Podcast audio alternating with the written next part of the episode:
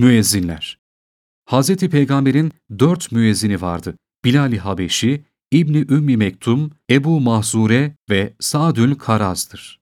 Bilal-i Habeşi, ilk önce Müslüman olanlardan biridir. Köleyken Müslümanlığını açıklamış ve bu yüzden müşriklerin yaptıkları eza ve cefalarına sabredip katlanıyorken Hz. Ebu Bekir onu satın alıp Allah rızası için azat ettikten sonra Hz. Peygamber'in hizmetine başladı.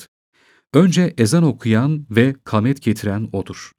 Hicretten sonra ashabın çoğu ticaret ve ziraatle uğraşarak ancak fırsat buldukça Hz. Peygamber'in yanına gelirlerdi. Bilal ise bir an bile Hz. Peygamber'in hizmetinden ayrılmazdı. Fecir vaktinden önce pek dokunaklı bir ezanla teheccüde kalkanları uyandırır ve namaz vakti cemaat hazır olunca Allah Resulü'nü mescide getirir, sonra evine götürür, kapıda durur, Hazreti Peygamber'in her hizmetini görürdü.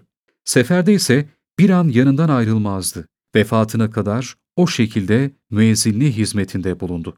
İbni Ümmü Mektum, Hazreti Hatice Tül Kübra'nın dayısının oğludur.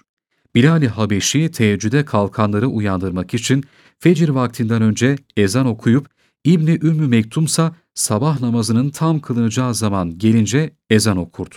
Resul Ekrem bir tarafa gidince Bilal-i Habeşi de beraberinde olduğundan İbni Ümmü Mektum mescitte kalırdı. Çok kere resul Ekrem onu Medine'de vekil bırakmıştı. Ebu Mahzure'nin sesi hoştu. Pek güzel ezan okurdu. Resulullah onu Mekke'nin fethinden sonra müezzin yapmıştı. Soyundan gelenler Abbasi halifesi Harun Reşit zamanına kadar hep müezzinlik yapar olmuştur. Sadül Karaz, Ammar bin Yasir'in kölesiydi. Resul-i Ekrem onu Kuba'ya müezzin tayin etmişti. Bilal-i Habeşi Şam tarafına gidince Sadül Karaz Medine'ye nakledilerek Hz. Peygamber'in mescidine müezzin olarak tayin edildi. Önce kendisi ve sonra evladı uzun zaman o mescitte müezzinlik etmişlerdir. Allah hepsinden razı olsun.